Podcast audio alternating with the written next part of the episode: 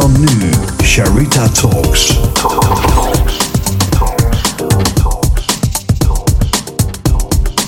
Sharita Talks. Embrace your vulnerability. Sharita Talks. Welkom bij weer een nieuwe aflevering van Sharita Talks met deze keer Zoe, ook wel bekend als Professional Wild Child. Deze mooie vrouw is van huis uit content crea- creator met een focus om meer bewustzijn te creëren. Ze was 12 toen ze voor het eerst een camera in de handen nam en is gaan creëren. Ze richt zich op fashion, lifestyle en interieur. Toen ze communicatiewetenschappen studeerde aan de UvA, heeft ze een on- en offline platform opgezet genaamd Moderne Hippies. Vanaf dat moment werd community bouwen en creëren haar focus, maar wel op een manier dat ze impact kon maken op de wereld. Ze heeft het boek Duurzaam Reizen geschreven en het e-book Lost and Found, wat ook geleerd is aan de Shadow Work School. Dit is ontstaan nadat ze zo jaren in een toxische relatie gezeten heeft, met alle gevolgen van dien. Ze is zich na deze relatie gaan verdiepen in schaduwwerk. Hierover en nog veel meer prikkelende onderwerpen gaan wij het hebben in weer een nieuwe aflevering van Sharita Talks. Sharita Talks. Embrace your vulnerability. Sharita Talks. Welkom Zoe. Mooi, dankjewel. Liefd. zo leuk om jou in de aflevering te hebben. We hebben wel zo lang contact via Instagram. Ja, echt ongelooflijk. Het is, eh, maar dan, dan als je het hebt over kwetsbaarheid. eh, het, het komt dan ook iedere keer voor mij dan net niet uit. Als ik dus net niet lekker in mijn cyclus zit, dan denk ik nee. Of ik zit er net niet lekker in. Dan kan ik, maar we zijn er. We zijn er, finally. nu zit ik er soort van tegenaan. Dat Ja. zag ik vandaag van, oeh, eigenlijk ben ik eh, een beetje boos op alles. Oh ja, dat- dat ja waar zit je in je cyclus? Zo, ja, net voor de, PMS eh, ja, week. voor de PMS-week. Oh, voor de PMS. Nee, twee voor weken je- voor de... Nou, waar zit ik nou eigenlijk? In ieder geval niet meer op je hoogtepunt. Nee, niet meer op mijn hoogtepunt. Ik snap het. Ja, nee, dat, eh, dat was inderdaad ons gesprek van... Ja, ja nee, nu, nu kan ik het toch... Ja, je, we kunnen wel afspreken, maar misschien is het niet heel handig. Ja. Want, Ja, maar we zitten er. Ja, Superleuk en heel fijn dat je, dat je kon. ja. Eh, ja, ik ehm, heb heel veel vragen, heel veel onderwerpen die we kunnen aantikken. Ja, ik ben heel benieuwd. Maar ik ben benieuwd. ehm, hoe ben jij bij de naam Professional Wild Child gekomen? Want ik vind het echt een geweldige naam. Oh, dank je. Ehm, volgens mij kwam ik die een keer tegen op Instagram als hashtag bij iemand. Ehm, en dat was het. En toen dacht ik, wat een vette naam inderdaad. Van wat een goede naam is dit. En het omvatte toen heel erg waar ik toen was in mijn leven.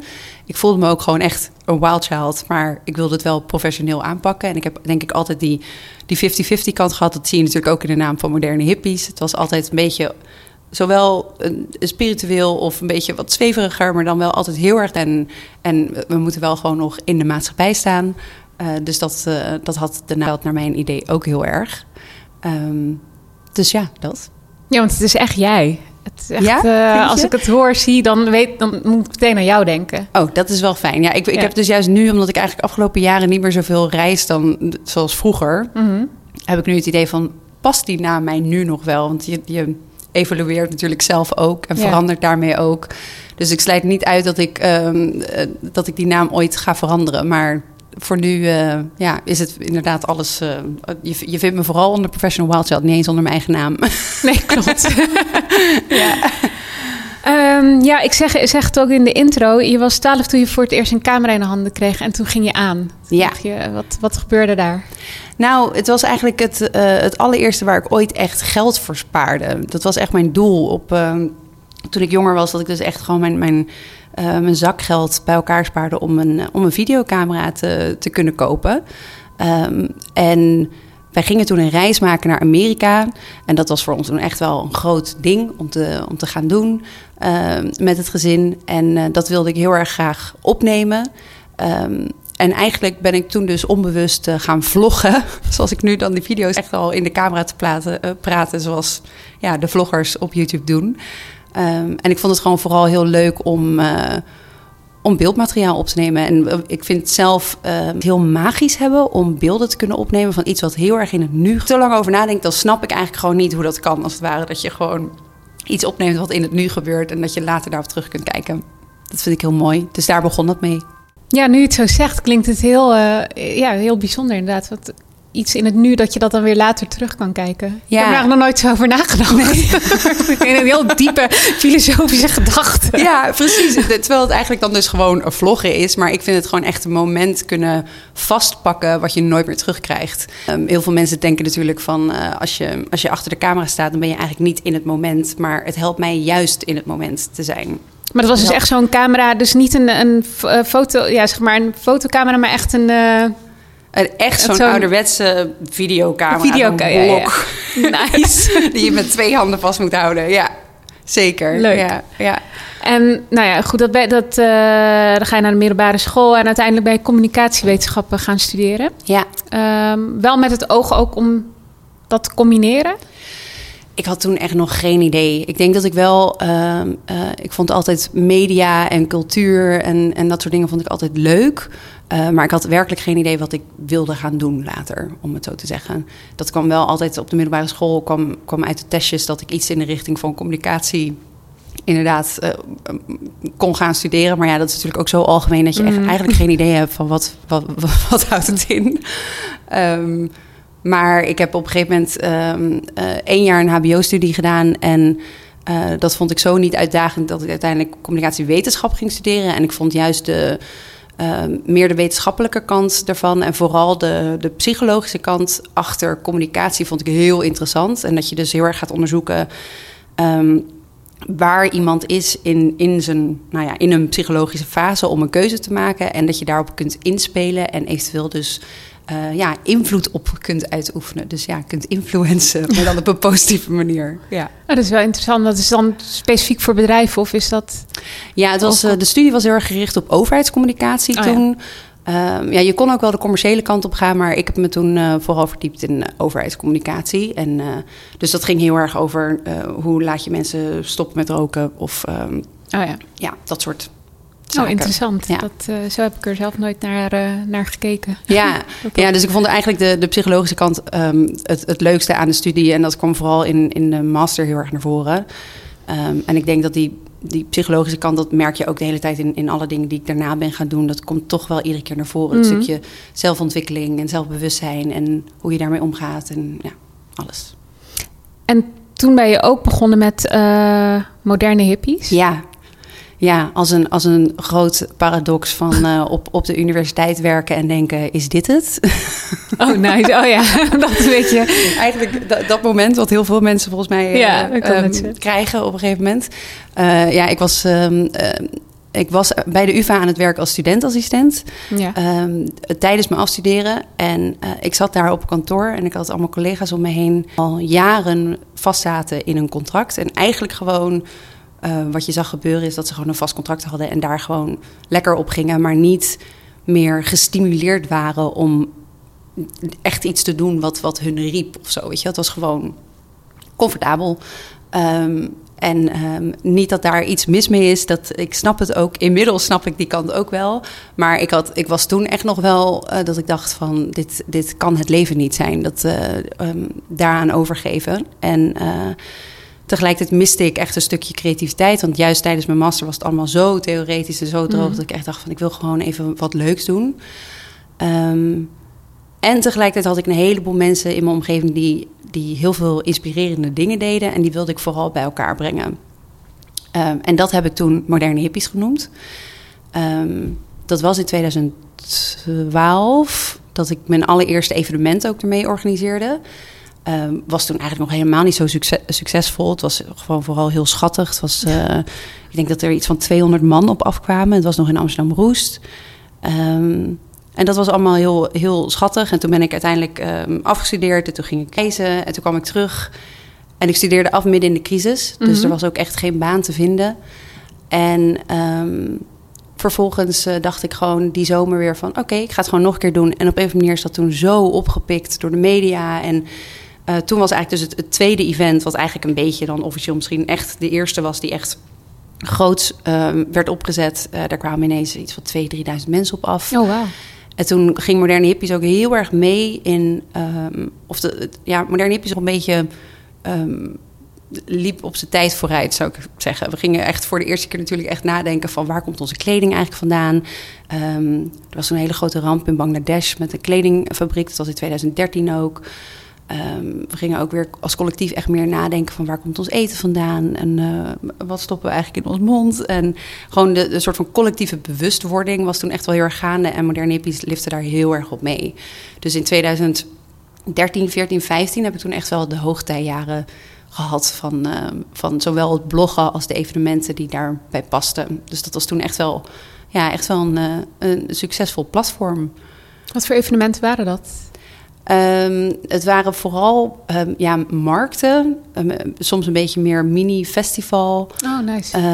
dus uh, we deden toen ook dat we af en toe workshops deden met uh, mediteren en yoga. Wat ook eigenlijk nog best wel een beetje. Weet je, we, nu heb ik het idee dat mediteren is ge mm. geworden, gelukkig.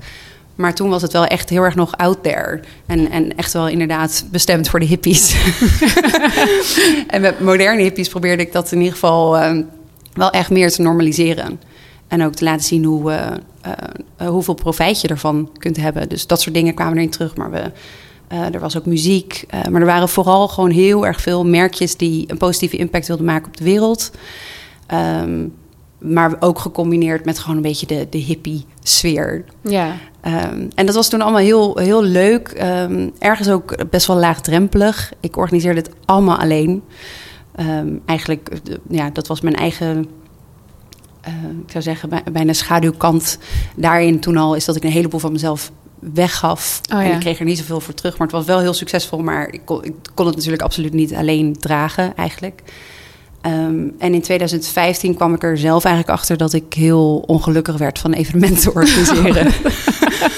um, hmm. Het totaal uh, leefde in, uh, in de illusie van. Um, wat eigenlijk wat bij mijn persoonlijkheid past. Uh, want ik, ik ben um, introvert, uh, hooggevoelig.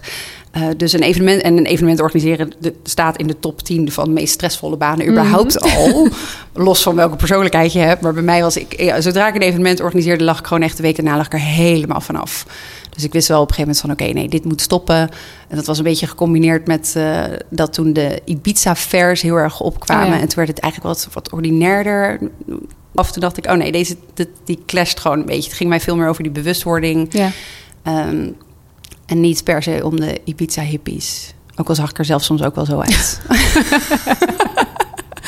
die bewustwording, is dat... Want jij bent natuurlijk daarvoor eerst gaan reizen. Ja. Is dat daar ontstaan, dat idee? Dat uh, voor moderne hippies... Uh...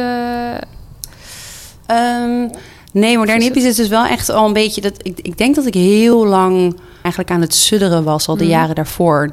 Dat ik dus wel... Um, ik wilde mensen heel graag bij elkaar brengen. En...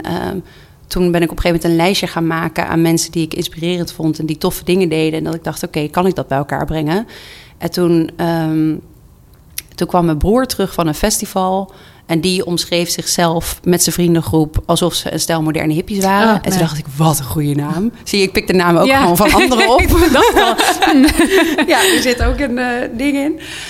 Um, ja, dus dat... Uh, uh, de, eigenlijk niet eens... De, in retrospect kan ik wel zeggen dat ik moderne hippies niet heb opgericht met het idee van, van we gaan het heel erg hebben over um, fair fashion inderdaad of um, vegan eten. Totaal niet. Het was echt gewoon meer uh, een gevoel. Um, ja, omdat ik toch wel draai op gevoel. Dus dat, dat was het. Ik heb er niet ook echt een hele rationele reden voor. en dat, is, uh, dat heb je gedaan tot met uh, wanneer? Nou, de evenementen hebben dus uh, vanuit mei uh, gedraaid tot 2015. Totdat iemand op mijn pad kwam die de evenementen heel graag terug wilde brengen. Dus toen is het nog even teruggekomen, een paar jaar tot de pandemie eigenlijk. Ja, oh, oké. Okay. Um, en uh, de blog, ja, die, dat heeft nog een beetje. Uh, ik vind het heel lastig om los te laten. Dus dat heeft nog heel erg lang een soort van online gestaan. Hebben we het toch nog geprobeerd. En ik denk dat het tot 2017, 18 zijn we echt nog wel actief geweest met de blog. Maar op een gegeven moment was bloggen natuurlijk ook een beetje dood ja. op die manier.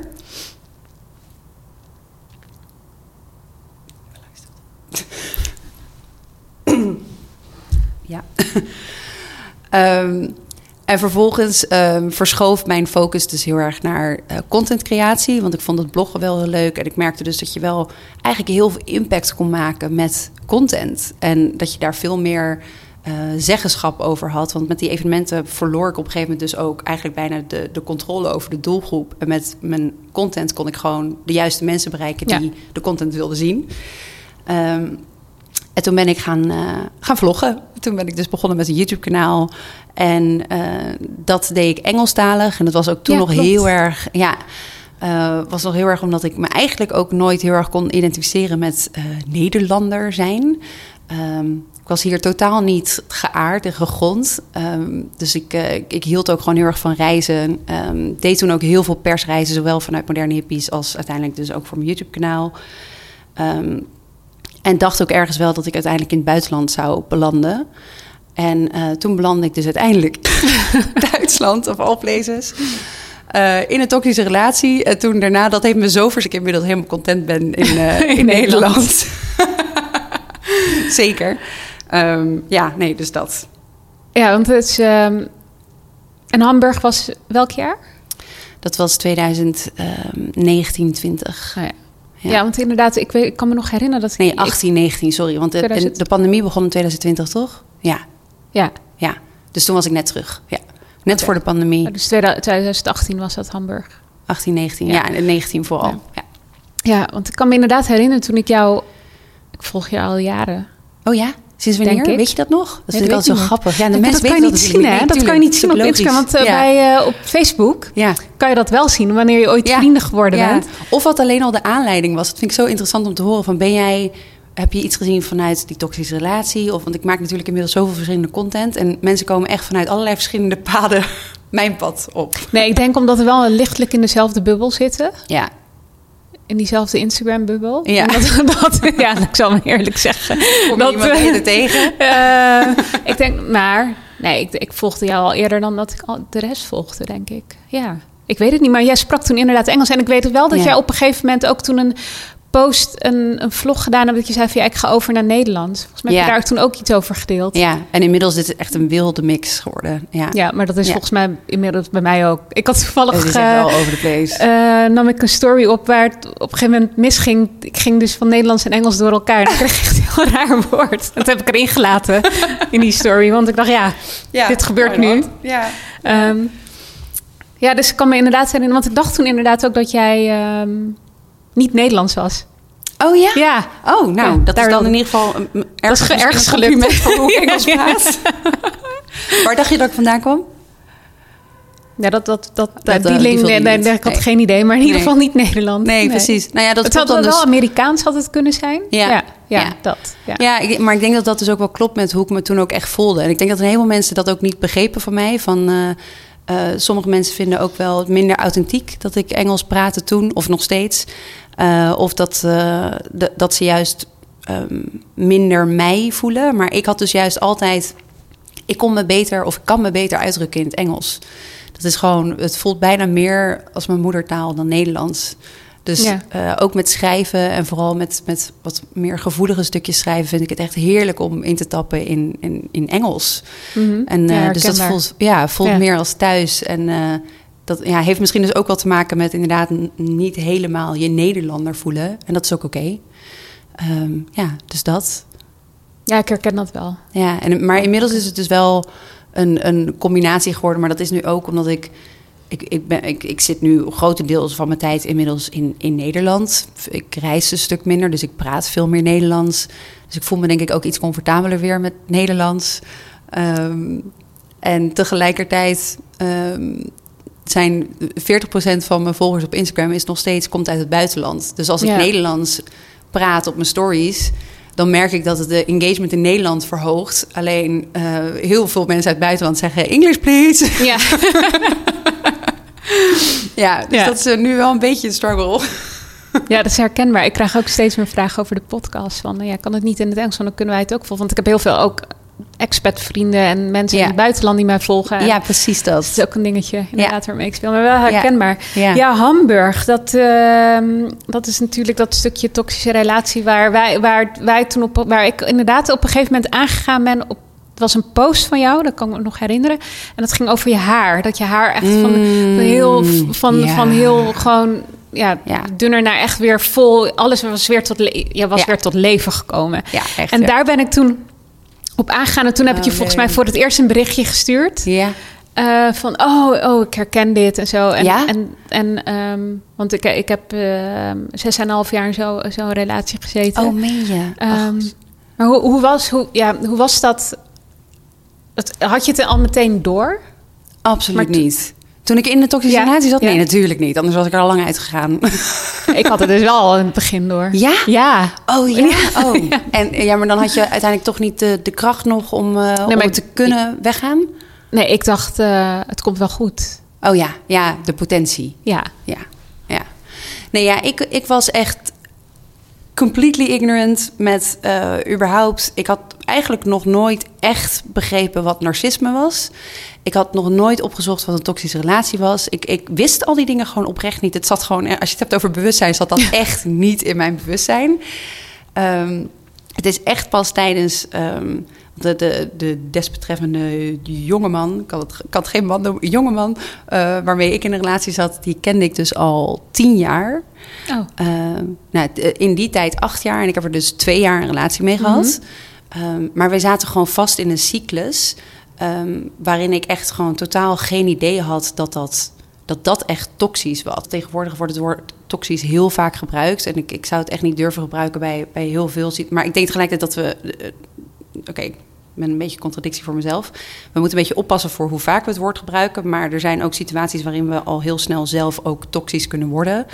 Ehm, maar in deze is het vooral belangrijk om, denk ik, in te zien dat niet iedere relatie eh, toxisch is. Maar iedere relatie met een narcist is dat wel. Ja, precies. Ja, dat is inderdaad. Ik, ik, ehm, eh, dat woord toxisch moet je inderdaad. Dat, ja, dat ben ik met je eens. Dat opgeplakt bijvoorbeeld.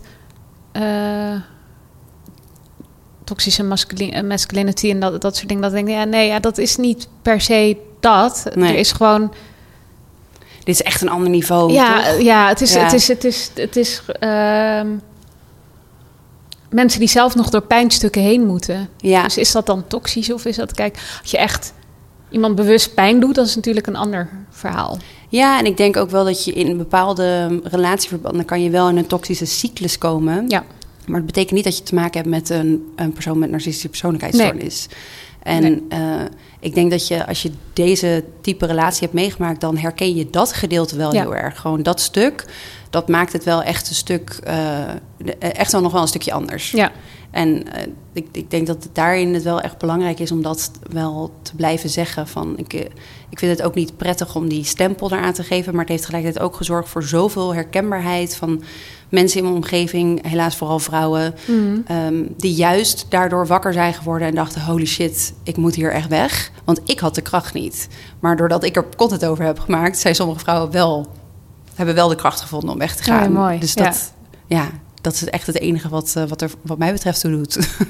in al deze Ja. bewustzijn over dit soort Ja, precies. praat. Ja. het was, wanneer was het moment dat je dacht van, eh, oké, wacht even, hier klopt iets niet. Och. Ehm, nou, wij, wij gingen op een gegeven moment gingen we um, samenwonen in Hamburg. En ehm, eigenlijk voorop staat dat er eigenlijk al een heleboel niet klopte. Ehm, maar ik zag gewoon echt de red flag, zag ik gewoon echt niet. Ik was gewoon echt, ehm, nogmaals, totally ignorant. Ik, eh, ik keek ook eh, vooral naar zijn potentie en ik zag vooral zijn pijn van vroeger. Ehm, en ik begreep heel veel. Oh ja. Iets te veel. Ehm, dus eh, er was al heel veel wat er natuurlijk in, in essentie niet klopte. Maar ik denk dat het voor mij duidelijker werd toen we echt gingen samenwonen. En dat, dat er alleen al, I don't know, van die, van die woede aanvallen kwamen als ik iets verkeerd had neergezet in de vaatwasser. Zoiets. Dat, dat vond ik heel, begon ik heel opmerkelijk te vinden. En ehm, onbewust stond ik dus eigenlijk continu onder spanning. Ehm, en er is op een gegeven moment een weekend geweest dat mijn eh, moeder langskwam. Eigenlijk kwam mijn moeder, mijn vader, mijn broer en zus, mijn vrienden, die kwamen best wel vaak langs op het begin, omdat ik het best wel moeilijk had Mhm. om, om daar te zijn. Ik had ook nooit verwacht dat ik natuurlijk naar Duitsland zou verhuizen. Ehm, en toen, ehm, eh, toen heb ik die situatie, of in ieder geval een soortgelijke situatie, uitgelegd aan mijn moeder. Van eh, hoe, hoe hij op een situatie reageerde en dat ik dat niet begreep. En toen zat zij me een beetje zo doordacht aan te kijken. En toen zei ze: Maar dit valt onder huiselijk geweld. Hmm. En toen dacht ik, wat? En d- dat was denk ik wel echt... Mijn moeder heeft echt, is echt een mega spiegel voor mij geweest op dat moment. Ehm, en toen ben ik me eigenlijk dus gaan verdiepen in psychologisch huiselijk geweld in dit geval. En dus inderdaad toxische relaties. En ik ben zelf YouTube-video's gaan kijken die ik later zelf weer heb gemaakt. Ehm, en ik dacht alleen maar, oh my god, dit is het, dit is het, dit is het. En ik was zo onder de indruk eigenlijk van de content die ik vond... en alles wat ik erover leerde op dat moment... dat ik natuurlijk super dom eigenlijk video's aan hem liet zien van... Oh, maar kijk nou, ja. dit zijn wij, dit zijn wij, zie je dat niet? En hij zat echt gewoon aan te kijken van, wat de fuck. Ja, je bent wel. gek geworden. Ja. ja. Uh, dus eigenlijk ging het vanaf toen alleen maar downhill. Hoe meer bewustzijn ik kreeg, hoe meer afstand hij natuurlijk ging creëren. Ehm, en ik merkte juist, ook al was het toen nog niet uit, want ik was dus wel, ehm, ja, het staat voorop dat ik echt, eh, ik was er echt niet goed aan toe. Ik was enorm dun en dat zag ik echt niet aan mezelf. Ehm, ja, dat was ook nog wel een signaal. Eh, zowel mijn zus als mijn vriendinnetje, die hebben toen echt hun zorgen geuit van, eh, je bent zo afgevallen, gaat het wel goed met je? Ehm, mijn beste vriendinnetje zei zelfs ook in dat gesprek: Ik zie de sparkle in je ogen niet meer. Oh, Die komen ja. heel hard binnen. ja. Echt, eh, of niet hard, diep binnen. Ehm, dus toen, toen begon ik ook echt te janken, want ik was gewoon mezelf totaal kwijt. En ehm, ehm, toen was uiteindelijk eh, tijdens dat, dat dat bewustzijn dus meer en meer groeide. Want dat, ja, bij mij gebeurde het in ieder geval niet in een dag dat ik dacht: oh, dit is dus zo toxisch, ik moet hier Nee, weggaan. precies. Want wat er, dat, dat is denk ik het, het ding waar de meeste mensen zich in vergissen is, ja, dan ga je toch gewoon weg. Ja. Maar Ja. zo werkt dat dus niet. Oh ja, die heb ik Dat- ook vaak gehoord. Ja, waarom ga je dan niet weg? Dat is echt, oh. Eh, het is mij ook gezegd door een paar mensen. En dat, dat, eh, dat is gewoon... Ik snap dat het wordt gezegd hoor, aan de oppervlakte. Alleen voor de mensen die het niet begrijpen, voor de mensen thuis die nu luisteren. Ehm, wat er dan gebeurt is dat je hele... Je, je lijf is eigenlijk zo uitgeput van die hele situatie... dat je de kracht gewoon niet meer kan opbrengen om weg te gaan. Dat had ik in ieder geval. Ja. ik gewoon... Ja. Ik bleef er toch maar gewoon soort van in zitten. Ook al wist ik wel beter. Maar het lukte me gewoon niet. Dus het is uiteindelijk weer door weer zo'n chaotische ruzie... is er een punt gekomen dat hij heeft gezet, gezegd... ik zet er een punt achter. En dat ik eigenlijk zei, oké, is goed. En dat ik eigenlijk me even helemaal overgaf. Ik was wel helemaal kapot, maar ik was eigenlijk al na een week... nadat dat uitging heel mijn energie was weer gedraaid. En dat ik echt zei, dank je wel dat jij het hebt uitgemaakt. Dat heb ik, ik heb hem echt bedankt. Toen moest hij me natuurlijk weer uitlachen. Dat ging natuurlijk weer niet goed. Maar ik had hem echt even bedankt, want ik had dat echt nodig. Maar een heleboel mensen die, die kunnen het niet zelf. Want hoe, eh, jij hebt het wel zelf gedaan, zeg je net. Nee, ja, ik ben natuurlijk heel lang gebleven in eerste instantie. Ja. Dus in eer- dat, dat stukje van eh, eh, dat mensen zeiden van gaan weg. Of, Ja. ik, steeds meer vrienden namen afstand van me. Ik ben ook heel veel vrienden kwijtgeraakt. Ja, ja, Ehm, omdat ik niet luisterde natuurlijk. Oh, nou, op een gegeven moment ja. weten ze ook niet meer wat ze moeten doen. ja. Ehm, ja, en dat stukje kracht inderdaad. Je hebt op een gegeven moment zeg je maar ja en amen. Ik, zeg over, ik zei overal ja en amen op. Gewoon om niet ehm, in een ruzie terecht te komen. Of om niet...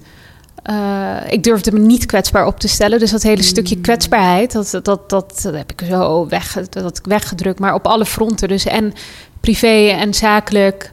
Gewoon masker op Ja. en gaan. ja. En, een hele eh, kleine wereld gecreëerd voor ja, jezelf. Ja, ja. en ehm, inderdaad, ik, ik was ook eh, eh, de gewicht inderdaad. En, en, en Ja. continu met uiterlijk bezig om maar te kunnen voldoen aan, ik weet niet wat. Hmm. dat achteraf. ja. Ehm, maar die. En uiteindelijk ook inderdaad tijdens een echt een, toch een enorme ruzie is het gewoon de, de bom gebarsten en toen was het klaar. En, en ehm,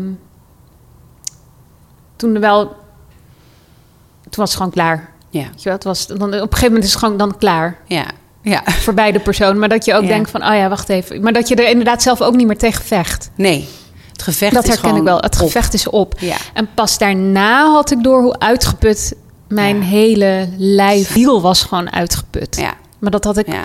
Ik heb eh, gewoon zo lang op survival modus gezeten. En mijn hele familie, mijn familie zag het, mijn, mijn vrienden zagen het. Ja. Maar ja, ehm, achteraf nog wel eens met mijn ouders erover gehad. En die zeiden ook van ja, we, we konden wel zeggen ga weg, maar je had, je had niet gedaan. Nee. Het enige wat we wisten is dat als, als je al het moment dat het mis zou gaan, dat we je, zouden, dat we je op zouden vangen. En dat hebben ze ook gedaan. Ja. Ehm, Ja. En ze zei dat is het enige wat we konden doen. Nou ja, en wat, wat ik in ieder geval in mijn omgeving ook heb meegemaakt, is dat. eh, eh, mijn broer zei het laatst onlangs bijvoorbeeld nog van die, die baalt er dan echt van dat er op een bepaald moment was er ook iets gebeurd dat zij langskwamen en dat ze weggingen en dat hij zei van we hadden je toen eigenlijk gewoon mee naar huis moeten Oh, nemen. Ja, ja, Zo lief. ja. Maar tegelijkertijd denk ik ook van eh, eh, je kan hun nog nemen, maar je bent zelf al onbewust in de situatie. Laat staan zij. Zij snapte ook niet wat er aan de hand was. Weet Nee. je wel? Zij, zij keken ernaar en dachten ook gewoon van oké, ja, een beetje weird, maar ook inderdaad nogmaals de termen als toxisch of narcisme was gewoon nog nooit langsgekomen überhaupt tot die tijd. Dus ja, dan, eh, ja, dan doen zij ook gewoon denk ik maar hun best om er te zijn. Maar ja, dan, dan, het is vooral daarna, ik weet niet of je dat herkent, dat dan, ja, ik, dat, dat je echt denkt, jezus, je, je bent Kapot. misschien jezelf helemaal kwijt. Ja, ja. helemaal. Ik, ik heb, eh, omdat ik dus in Hamburg woonde, had ik geen woning voor mezelf. En toen ben ik eh, bij mijn ouders beland. Dat herken ik, Eh, ja. ja. Dus dat, hoe oud was ik? 30, 31. En ik woonde bij mijn ouders op zolder. Ehm, en eh, ik heb denk ik echt eh, een maand of twee bijna non-stop in bed gelegen. En echt eh, heel veel geslapen en heel veel gewoon bijgekomen. Heel veel gehuild, natuurlijk. Ehm, maar ja, nee, dat, eh, dat eh, ja, heel herkenbaar. Dat is, ik kon gewoon op dat moment helemaal niks. En tegelijkertijd dat wel tijdens de moeheid, dat wel dus je innerlijke kracht alweer een beetje terugkomt. Dat, die voelde ik wel ook al tussendoor, maar ik was gewoon wel helemaal kapot. Ja. Ja. En dus inderdaad, met, eh, als je het hebt over haar, dat is dus echt, dat vond ik zo bijzonder om te zien. Want het ging dus in december 2019 uit. Ehm, en ja, echt rond februari, maart 2020, toen had ik mijn haar gewoon weer terug zoals as usual. Ik had gewoon twee jaar lang mijn haar niet gehad. Voor de mensen die geen idee hebben hoe mijn haar eruit ziet. ik heb eh, best wel vol haar Ja. met een slag. Ehm, en tijdens die relatie, dat duurde dus ook... ehm, nou ja, toen, toen ik weer met hem begon te daten en het echt serieus werd... toen ehm, was het iets van drie maanden in dat, ik, eh, dat mijn haar opeens stijl werd. En ik had geen krul meer over, geen slag meer over. Het was- het werd heel dun, heel fragiel. Het brak ook af. Eh, ik begon op een gegeven moment echt heel veel haar te verliezen. En toen heb ik het heel erg gezocht in, eh, in eerste orde in hormonale veranderingen. Ging ik het zelf zoeken in, eh, in Hamburg, omdat daar meer kalk in zit. Echt, je, echt, je kunt het zo gek niet bedenken. En uiteindelijk was het gewoon allemaal, zat het allemaal van binnen. En Ja. toen de spanning weg was, toen, toen was mijn haar weer terug. En later heb ik ook gezegd, hoe meer ik erachter kwam, dat ik dus tot die tijd was ik dus, nou ja, obviously eh, mijn grenzen aangeven en op hem goed in mijn eigen waarde staan. En hoe meer ik daarachter kwam, hoe meer ik ook nee ging zeggen, hoe meer ik mijn grenzen ging. En ik had het gevoel, hoe meer ik nee zei, hoe meer krullen ik kreeg. Dus mijn haar werd alleen maar dieper en voller. Dus ja, dat gaat niet goed. Ja, mooi, gelukkig. Had jij hetzelfde met je haar? Ja, nou, ik, herken, ik heb het echt. Nou, ik herken het verhaal. Ik, was, eh, ik ben op mijn 18e uit huis gegaan, ben ik gaan studeren in Leiden. En ik, eh 18 jaar later, op mijn 36 was ik terug bij mijn ouders op zolder. Oh ja, Die zolder, dat is echt. zolder. Hè? Ja. van de week weer, omdat ik daar. Ik moest naar de tandarts en toen stuurde ik een eh, filmpje naar mijn broertje. De zolder, want hij heeft daar, eh, hij, eh, heeft daar ook zijn, eh, zijn crisis doorgemaakt. Ja, van ja, gewoon ja. het leven, weet je. Een jongen en, en dan super goed op school doen, maar dan eigenlijk niet meer naar school. Ja, weet je, hij heeft ook gewoon zijn. Hmm. Die zolder, mijn vader zegt altijd, daar zijn, daar zijn helende krachten. Want mijn broertje en ik hebben daar onze crisissen doorgemaakt. Precies. Ja. Maar we zijn er ook weer uitgekomen. Oh, het is toch Maar- tegelijkertijd heel mooi dat je ouders dat kunnen bieden. En dat het toch gewoon, je wordt wel echt opgevangen. Ja, niet iedereen heeft dat natuurlijk. Nee, dus ik wist ook precies. wel. Nee, maar ik herken dat. Nee, ik, ik, ik kwam daar. Ik heb denk ik eh, maandenlang alleen maar geslapen. Ja. Ik ging echt om soms om zes uur, zeven uur naar bed. Oh, en ja. ik sliep gewoon tot de volgende dag Ja. twee uur 's middags. Gewoon. Ach, ja, ja, ja, maar ook omdat ik s'nachts paniekaanvallen kreeg. Dus echt alsof je een hartaanval Oh, krijgt, weet je wel. Dat, eh, dat gevoel. Ach, echt van, nou, dat was echt, ehm, echt heftig. Dat ik Ja. jezus, wat, gewoon echt trauma, eh, trauma, Ja. trauma release. Ja, zeker.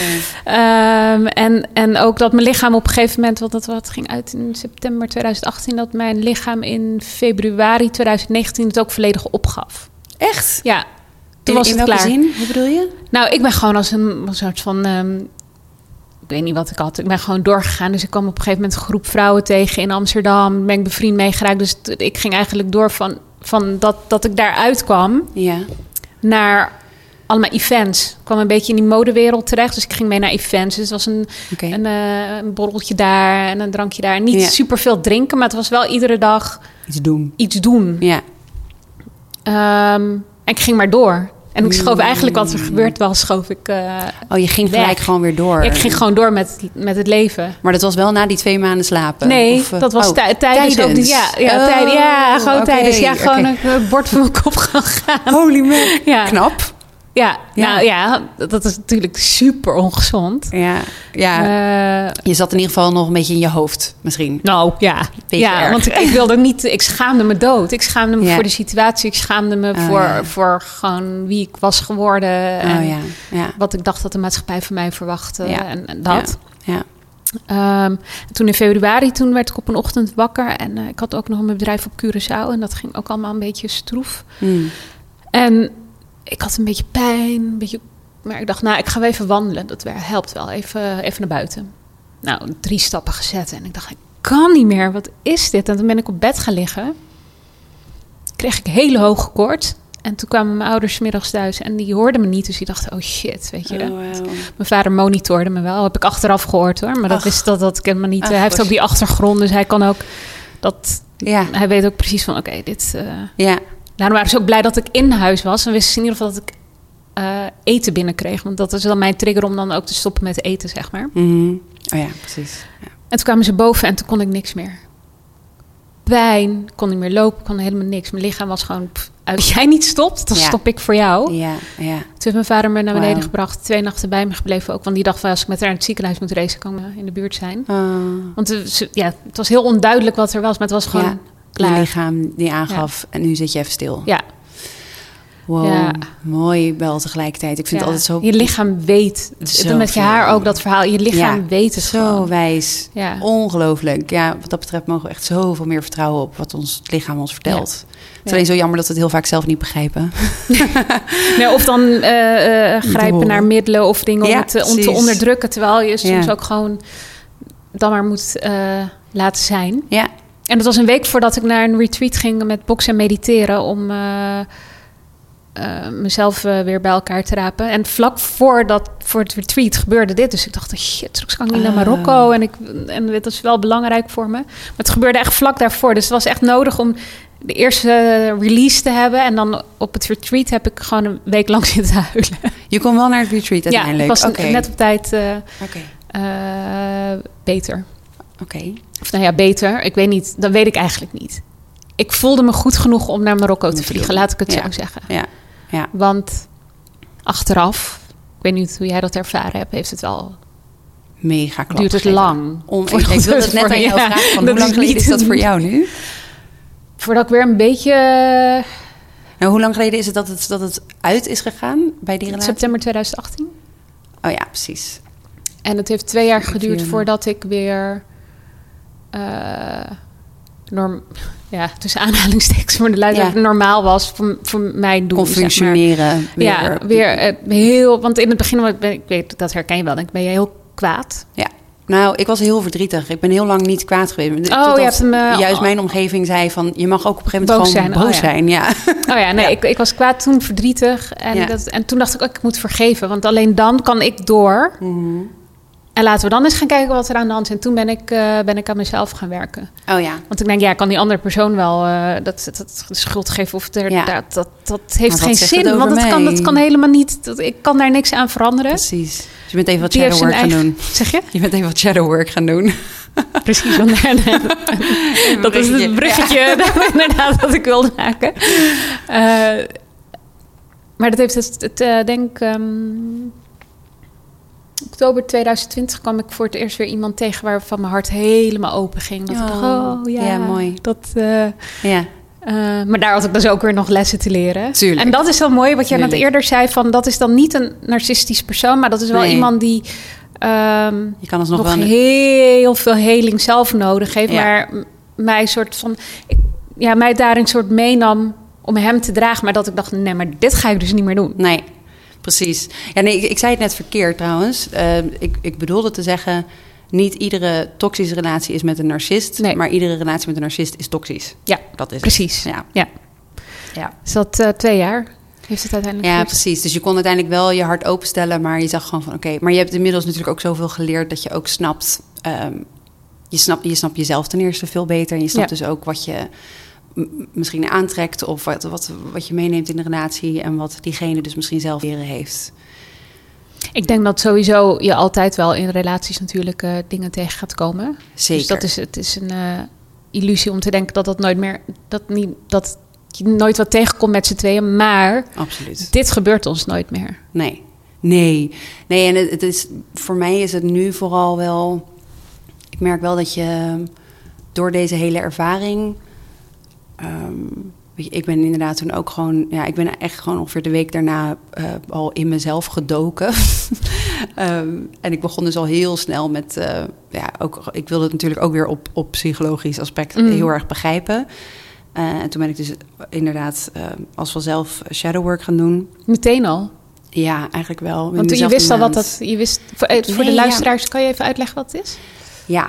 ehm, shadowwork is in essentie... ehm, probeer je daarmee je onbewuste bewust te maken. Dat zit eigenlijk in een nutshell. Eh, het komt uit de psychologie. ehm, of in ieder geval, er zijn eh, vanuit verschillende takken en... en ehm, nou ja, hoe kan ik het noemen? Sommige mensen noemen het anders. Ik geef het gewoon de naam. Sommige mensen geven het een ander, ander woord. Ehm, want het wordt ook vaak verwerkt in therapie, maar dan heet het helemaal niet shadow work per se. Ehm, maar vanuit. ehm, in de jaren zeventig heeft eh, Carl Jung in ieder geval sh- shadow work naar het, het Westen gebracht, om het even zo te zeggen. En eh, het komt voort vanuit het idee dat wij, nou, zo'n 90% van ons zijn eh, leven we onbewust. Leven we op basis van programmering en conditionering. Ehm, en eh, dat bepaalt eigenlijk een heleboel van wie we zijn, wat we doen, wat we aantrekken. Ehm, en ehm, eigenlijk een heel groot gedeelte van ons leven zijn we ons daar ook niet bewust van. En met shadow work probeer je dus aan de hand van bepaalde oefeningen, want het is vooral een, een, een thought practice, zou ik zeggen. Dus ik geef mensen veel opdrachten mee eh, waar je over na moet denken. En je gaat dus vooral heel erg naar binnen. En het is ook wel een beetje een, een psychoanalyse, want je zoekt heel erg de antwoorden. ehm, ook wel vanuit vroeger of vanuit ehm, bepaalde traumatiseren. Wat voor impact dat heeft gemaakt op je leven. Om uiteindelijk te snappen waar iets vandaan komt. En ehm, eigenlijk is dus eh, alles waardoor wij op, op dagelijkse basis eh, getriggerd zijn, eh, of als we vastzitten in patronen, of überhaupt alleen al als ons iets raakt, ehm, dat is onze shadow en die probeert ons iets te vertellen. En dat, dat klinkt altijd een beetje vaag voor mensen, maar uiteindelijk is het dus ook het idee dat je daar helemaal in duikt en dan snap je waar dat vandaan komt. En dat is vaak, nou, echt eventjes eh, de uitpellen. Dat, dat kan ook echt wel pijn doen, maar eenmaal als je daar doorheen bent en je snapt het, Ehm, dan kan je ook dus snappen hoe je zelf door het leven gaat. En kan je dus ook nou, bijvoorbeeld erachter komen dat je door een bepaalde gebeurtenis of door bepaalde gebeurtenissen eh, niet goed bent in grenzen aangeven. En zodra je dat bewustzijn hebt van jezelf, kan je opeens bedenken: oh, maar nu kan ik misschien gaan proberen te leren hoe het is om wel grenzen aan te geven. Dit was het lange verhaal. Ja, nee, heel duidelijk. Ja. ja, want eh, ehm, Maar in, in essentie, komt bij mij kwam het er ook inderdaad Ja. op neer wat jij net zei van... ehm, toen, eh, toen ik net uit die relatie kwam, ik, ik kende deze jongen tien jaar en ik had hem echt enorm geromantiseerd. Hij was voor mij in mijn hoofd. Want ik heb tussendoor heb ik zelfs wat.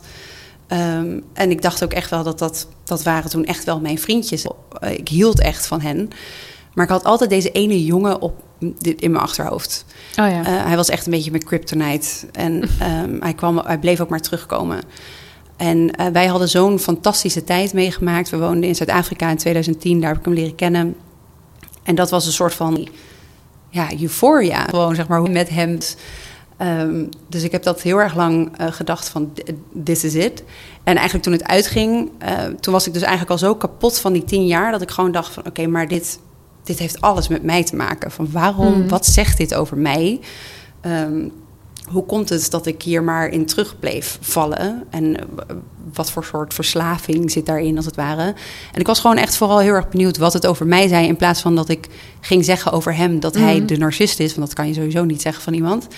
Eh, dacht ik gewoon van, oké, wat... eh, what's wrong with me? Ja, precies dat. wat zegt het over mij vooral? En wat, wa- wat kan ik hier aan doen om dit te voorkomen... om nog een keer te laten gebeuren? Dus dat... En dat heb je dus in, in week één bij je er al ingedoken. Wat, wat heb je als eerste... eh, Zo goed als in week één. Ja, het, het, nou ja, het was eh, nogmaals, mijn moeder die kwam toen met een, eh, een psychologisch model aanzetten. Ik weet niet meer hoe die. Dat liet heel erg zien hoe mensen omgingen met. Ehm, toen zag ik uit het model heel duidelijk dat wij elkaars tegenpolen waren. En toen dacht ik. Oké, En toen dat kwam een beetje toen samen met allemaal van die video's over empath narcissism-achtige dingen. Oh ja.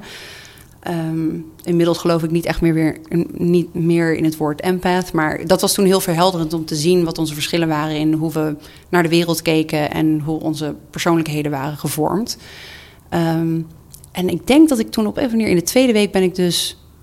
Ja, ik weet dus niet eens meer hoe. Ik denk gewoon puur omdat ik echt in een rabbit hole verzeild raakte over dit, dit hele type relatie. Ik dacht, eh, you must do shadow work. En toen, eh, toen kon ik daar, eh, nou ja, niet een type cursus over vinden die ik nu zelf geef. Ehm, dus toen ben ik me er gewoon heel erg in gaan verdiepen. En dat heeft voor mij, gecombineerd met dat ik gewoon eigenlijk gewoon weer iedere dag heel veel aan het journalen was, ehm, ongelooflijk geholpen om, om antwoorden te krijgen voor mezelf, om het echt te snappen, vooral mezelf beter te snappen. En uiteindelijk om, om door te kunnen gaan. Wat was je grootste inzicht eh, daarin? Oeh, wat een goede vraag. Mijn grootste inzicht, want het, zijn er natuurlijk een, het is een combinatie van Ja. zoveel. Ehm, mijn grootste inzicht is denk ik dat eh, eh, in een relatie. ehm, nee, is dat mag ik echt even over nadenken. Heb jij een grootste inzicht? Is inderdaad een goede vraag. ja, ik denk wel. Ja, het was bij mij wel echt een stukje zelfliefde. Dat ik Ja. dacht van ja, dat is echt zo belangrijk. Ja, Want dan, dan blijf je dichtst bij jezelf. ja, Ehm, oh ja, en vertrouwen op je intuïtie. Dat was een hele grote. Mhm. Ja, want dat heb ik zo weggestopt. Terwijl mijn intuïtie in al die jaren iedere keer probeerde naar boven. kwam ze naar boven ja, en dan drukte ik haar weg. ja, ja. Eh, dat, ja, dat hè? is een grootste En dat is weer zo eentje vanuit je lichaam. Dat je denkt, in het dierenrijk, als een hertje iets niet vertrouwt, dan schiet hij gelijk weg. Ja, sowieso. En, en wij, wij, wij hebben precies dezelfde functies in ons lijf... dat we het eigenlijk heel goed kunnen inschatten. Maar wij blijven staan omdat we op een of andere manier met ons hoofd denken... oh nee, maar het is wel, Ja, ja. Hij, hij zal vast nog wel lief worden.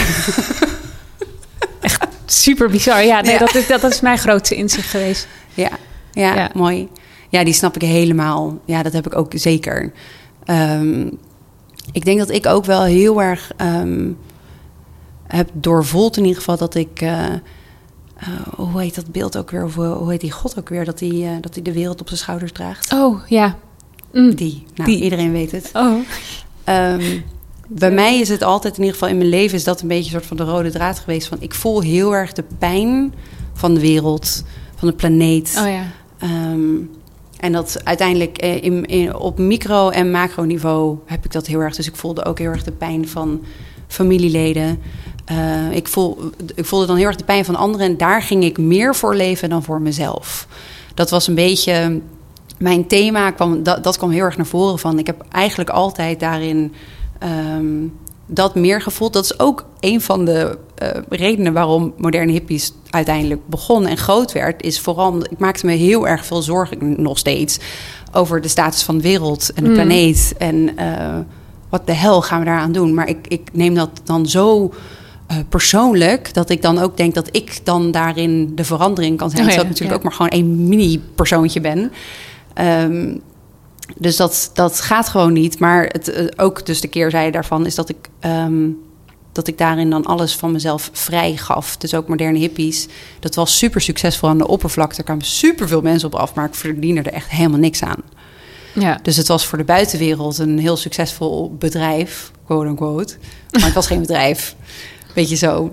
Dus ehm, ik denk dat voor mij was toen ehm, de ommekeer heel erg van... ik mag echt aan mezelf denken. Ja, ja. Ehm, en vooral vanuit zo'n relatie dat je natuurlijk eh, echt denkt van... ehm, ik, ik heb gewoon niet aan, niet aan mijn eigen well-being gedacht. Echt totaal niet. Ook omdat in, in die relatie ehm, ik dus heel erg, eh, nogmaals, zijn pijn voelde. En, en daar bijna voor ging leven. Omdat ik dacht van met mij komt het wel goed. Ja, De savior syndrome. Ja. Ja. Ja. inderdaad. Ja, dat is de, ja, toch ga ik toch even dat woord gebruiken. En de empaat in ons die dan eh, die Ja. ander gaat dragen eh, eh, ten koste van jezelf. Mhm. Ja. Ja, ja dat is eh, een mooi inzicht. Is dat. Ja, en inmiddels, ehm, ik heb nog geen goed Nederlands woord ervoor, maar ik, ik geloof inmiddels meer in dat hele, ehm, dat je hypervigilant bent. Dus dat, je, dat je tentakels eigenlijk continu uit hebben gestaan, ook vanuit survival vroeger. Dat je gewoon, je ziet alles, je hoort alles eh, en eh, ja, op basis daarvan kan je het beste overleven. En dat neem je gewoon mee naar, naar je toekomst en ook in je relaties. Dus nu, voor, voor mij is de kunst om eigenlijk dus ehm, minder hypervigilant te zijn. Mhm. En ook mensen meer te kunnen laten. Oh ja. En helemaal mijn eigen dingen ook te kunnen doen daarin. En vooral bewust te zijn van je eigen behoeftes. Terwijl heel- je voelt de behoeftes van anderen continu. En wil daarop inspelen. Maar wat wil ik zelf? ja, dat is een hele belangrijke vraag om te blijven stellen. Ja. Want ehm, ik weet niet hoe het voor jou is hoor, maar ik, heb, ik kan nog wel eens terugvallen in het patroon van dan anderen willen redden. Ja.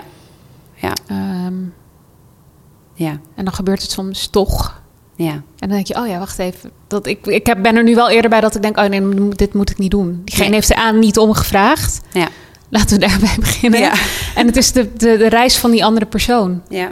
En als iemand, Ja. hulp, oeh, als, als iemand hulp komt vragen, is natuurlijk een ander verhaal. Hè? Dan zeg Ja. ik niet van, nee, zoek het maar niet, uit. Zoek het maar uit. maar eh, ook daarin is het natuurlijk wel duidelijk ook grens aangeven tot welke, welke, welke hoogte kan je, kan je helpen. Ja. ja, je kan er voor iemand zijn, maar je kan Ja. het niet zelf dragen voor Nee, diegene. precies. Dat is echt Ja, een heel een groot verschil. verschil. Ja. ja.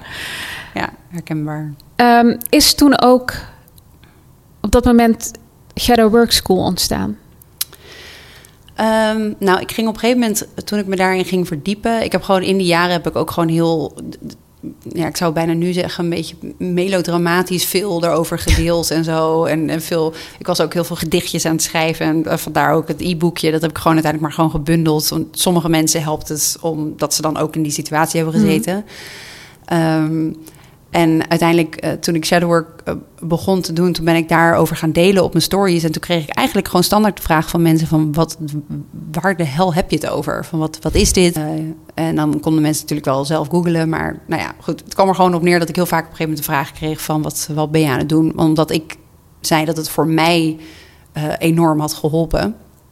Ehm, en ehm, toen hoorde ik uiteindelijk ook iemand zeggen van... eh, je moet de cursus maken eh, die je zelf eigenlijk nodig had. Toen dacht ik, ja, hier kan ik echt... Dit is voor de eerste keer in mijn leven dat ik wel een cursus kan maken. Want ik heb door de jaren heen... ehm, ook met moderne hippies al in de jaren, weet je, dat gewoon... En, en zeker met mijn YouTube-kanaal, dat mensen ook echt zeiden van... jij moet gewoon meditatiecursussen gaan geven, of weet je wel, van dat soort dingen. En dat ik... Ik voelde me gewoon nooit geroepen om dat soort dingen te doen. Omdat ik me... Ik voelde me altijd meer de content creator dan de teacher in dit Oh ja. soort dingen. Weet je wel, dat ik het gewoon leuk vond om te delen over bewustzijn... en waar ik zelf doorheen ging, dat andere mensen dat ook konden oppikken... maar niet om het zelf te leiden. Ehm, en ehm, bij dit was het echt voor de eerste keer dat ik dacht... maar ik, ik heb dit echt... Ik, I got this. Ik, ik snapte het echt volledig. En ehm, niet dat ik daarin nu de, de- alle wijsheid in pacht heb... maar ik snap de theorie. Ik snap waar ik zelf doorheen ben gegaan... en ik snap ook hoe ik andere mensen erin kan begeleiden. Dus toen ehm, inderdaad een oproepje gedaan van... jongens, ik ga dit doen. Wie vindt het leuk om te doen? Dat heb ik nu twee keer gegeven. Ehm, dan is daarbij nu dus wel eh, de kant eh, in mij die het ook heel zwaar kan vinden. Want juist natuurlijk weer die gevoeligheid ja. van mij. Ehm, ja, dat is, aan de ene kant is het heel mooi. En, en je, kunt, je, je ziet ook gewoon vooral als mensen echt nog nooit shadowwork hebben gedaan. ehm, eigenlijk is de allereerste sessie heeft de allermeeste impact. Want daarin eh, ja, geef ik gelijk eigenlijk een tool waardoor je het, sommige mensen het in ieder geval gelijk snappen. Ehm, maar er komt natuurlijk ook echt een heleboel naar boven. En dat moet je wel kunnen dragen weer. Mhm. Ehm, dus ik ben nu op, op zoek naar, naar een, een, een weg eigenlijk waarin ik het alsnog wel echt kan fa- faciliteren. Maar waarin ik het ook een klein beetje ehm, nou ja, niet op afstand kan zien, maar waarin ik eh, in ieder geval de, de wijsheid kan doorgeven. Waarin mensen zelf verder kunnen gaan, maar waarin ik niet iedere week ehm, ja, dit ook zelf weer volledig hoef te dragen. Want dat is uiteindelijk, eh, dat zie je natuurlijk bij heel veel mensen die zich bezig, bezighouden met dit soort onderwerpen. En eh petje af echt voor alle therapeuten in de wereld ook. Want ehm, ja, je moet het er maar mee doen om iedere Mm. dag hier met dit soort stof bezig te zijn. En echt bezig te zijn met je, met je echt diepe innerlijk werk. En wat waar vandaan komt. En de pijnen waar je doorheen bent gegaan. Ehm, ja, dat, eh, dat is niet altijd even makkelijk. Nee, het is, het is ook natuurlijk eh, energetisch. vraagt Ja. het veel van je. Precies. Ja. Het is, het is, ehm, en dat is ook tegelijkertijd wat ik er ook wel jammer aan vind. Want sommige mensen vinden het al. Ik, ik ben het type die liever een heel diep en zwaar gesprek heeft. Want dan heb ik het idee van: oh ja, dit, dit was, was heel betekenisvol. Eh, in plaats van luchtig en oppervlakkig. Maar eh, ik, ik merk nu juist dat door, de, door die combinatie kan ik gewoon lekker leven. Dus ik heb aan de ene kant behoefte aan die, aan die diepgang. Mhm. En ehm, ik vind het heel belangrijk om, om zelf bewuster te worden van mezelf. En eh, ik vind het heel fijn dat, dat ik daar dan nu andere mensen ook in kan begeleiden. Maar aan de andere kant heb ik ook echt de, de lichtheid nodig van het leven om, om lekker door het leven te gaan. Want anders kan je ook weer verzeilen bijna in die healing journey. Ja, weet je ja, wel? Ja, Ja. ja, herkenbaar. Ja, dan, wordt het, Ja. dan is dat het enige waar het leven om draait. En dan het wordt het zo zwaar. Zo zwaar. Dan, dan Ja. wordt het echt zwaar. Want andere mensen vinden het soms al zwaar wat ik allemaal deel en doe. Maar eigenlijk als je er echt zelf in zit, non-stop... Mhm. dan, dan is dat bijna op zichzelf weer een survival mechanisme, Ja. moet ik zeggen. Ja. Dus dan, eh, dat, de, op een gegeven moment is het dus ook weer even opzij. En vandaar dat ik af en toe dan weer een real deel... dat ik een, een salontafel van mijn Ja, plaats ja. haal en, en ga verven. Dat is een mooie afwisseling. inderdaad. Ja. Want eh, je gaf al eerder aan ook dat je hooggevoelig bent. Eh, dat, dat, hoe, eh, welke, heb je tip voor mensen die dat ook zijn, maar die bij God niet weten Wat ze ermee aan moeten. wat ze ermee aan moeten of hoe ze, er, hoe ze ja, ermee moeten dealen? Eh, Ehm, in het dagelijks leven. Want ja, je kan moeilijk binnen in je huis blijven zitten. Ja. Ehm, Oeh. Nou ja, ik, ehm, ik prijs mezelf gelukkig in ieder geval met, met een moeder die, die eh, altijd complimenten heeft gegeven over hoe goed ik over mijn gevoel kon praten. Ehm, en daarbij zou ik vooral toch hopelijk gewoon vooral jezelf blijven en wel praten over wat je voelt en wat je doormaakt. Omdat het wel, het is al best wel een eenzame wereld.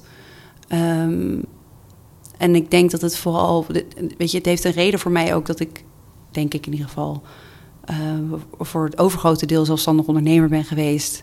En eh, heel erg mijn eigen ding moest doen, is omdat ik gewoon niet in dit narratief van deze wereld Mm. pas. Het is, het is een extraverte wereld, dat sowieso al. Er wordt eigenlijk van je verwacht dat je continu dingen kunt doen. Ehm, eh, het is een, ehm, een wereld die ingericht is op, op masculine energie en, en nou ja, toch ook wel mannelijkheid. Dus laat staan dat je inderdaad rekening wil houden met je cyclus tijdens je werk. dus die combinatie van factoren is inderdaad voor mij ook altijd heel moeilijk geweest. Dat ik gewoon, ik probeer me echt een soort van me in bochten te wringen om hierin te passen. Zo voel ik me ook. Ik voel me ook ehm, ja, vaak wel anders toch. Maar ja, aan de andere kant denk ik, een heleboel mensen voelen zich, godzijdank, anders. Want we hebben gewoon een dysfunctionele maatschappij. Mhm. Het klopt natuurlijk ook gewoon niet hoe we het allemaal hebben gedaan. We zijn gewoon ziek met z'n allen. Ja. Ehm, dus het is logisch dat het heel moeilijk is. Maar goed, eh, lang verhaal kort. Als je dus hooggevoelig bent, ehm, dan zou ik er toch echt over blijven praten. En proberen ehm, eh, mensen om je heen te verzamelen die je daarin kunnen steunen. Die je niet shamen voor je gevoeligheid. Oh my god, echt.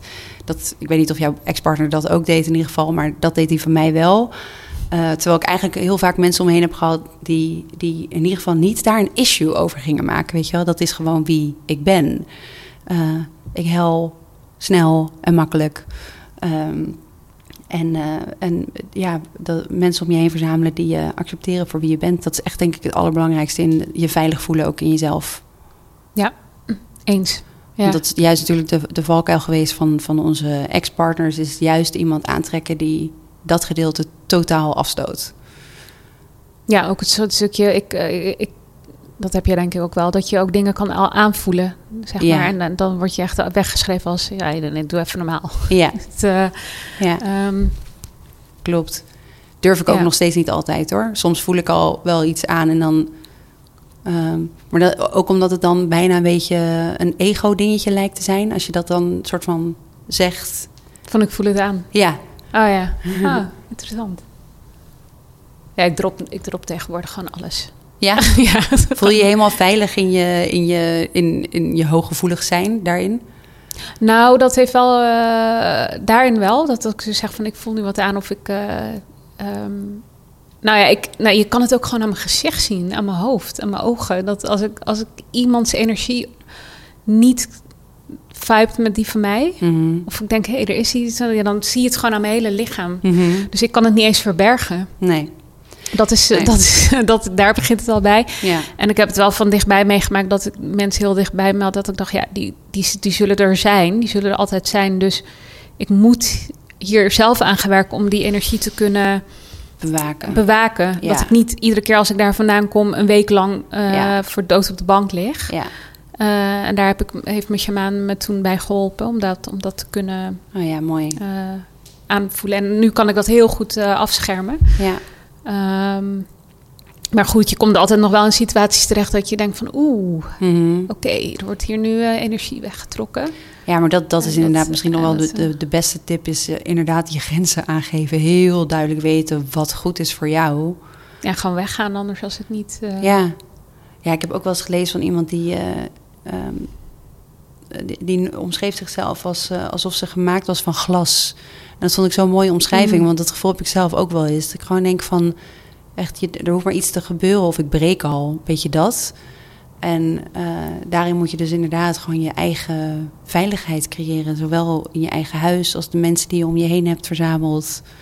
Ja, en inderdaad, eh, als, als er iemand is die je geregeld ziet. Ja, of voor sommige mensen is dan dus ook het besluit dat het beter is om diegene niet te zien. Nee, klopt. Ja.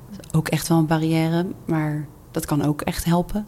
Ja, dat heb ik eh, vorig jaar nog meegemaakt met een vriendin. Dat ik dacht, ja, nou, dat, dat gaat niet. Ja, Ehm, maar bijvoorbeeld als ik ceremonies heb, van eh, eh, de ayahuasca-ceremonies... Mhm. Dat heb ik heel lang weer... De eerste twee keer deed ik het nog wel met de andere mensen erbij. En toen dacht ik, nou, dit gaat gewoon niet. omdat je het allemaal overnam. Ja, ik nam het ja, over. ja. Ik ging me zorgen Ja, maken. Ik, ja. ik, ik, ik, mijn eigen reis was niet belangrijk genoeg. Dat was helemaal in Ja. de beginfase. Nog in het, ook in het, in het begin van het hele helingsproces. ja.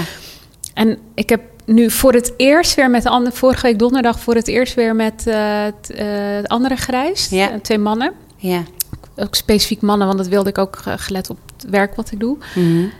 En ik ben in het midden gaan liggen. Want ik dacht van, dan word ik echt uitgedaagd om te kijken Oh, wat er gebeurt. Als ik helemaal open sta en energetisch alle kanten opgetrokken word. Mhm. Omdat er naast me ge- overgegeven wordt. En de andere misschien andere geluiden maken. I don't know.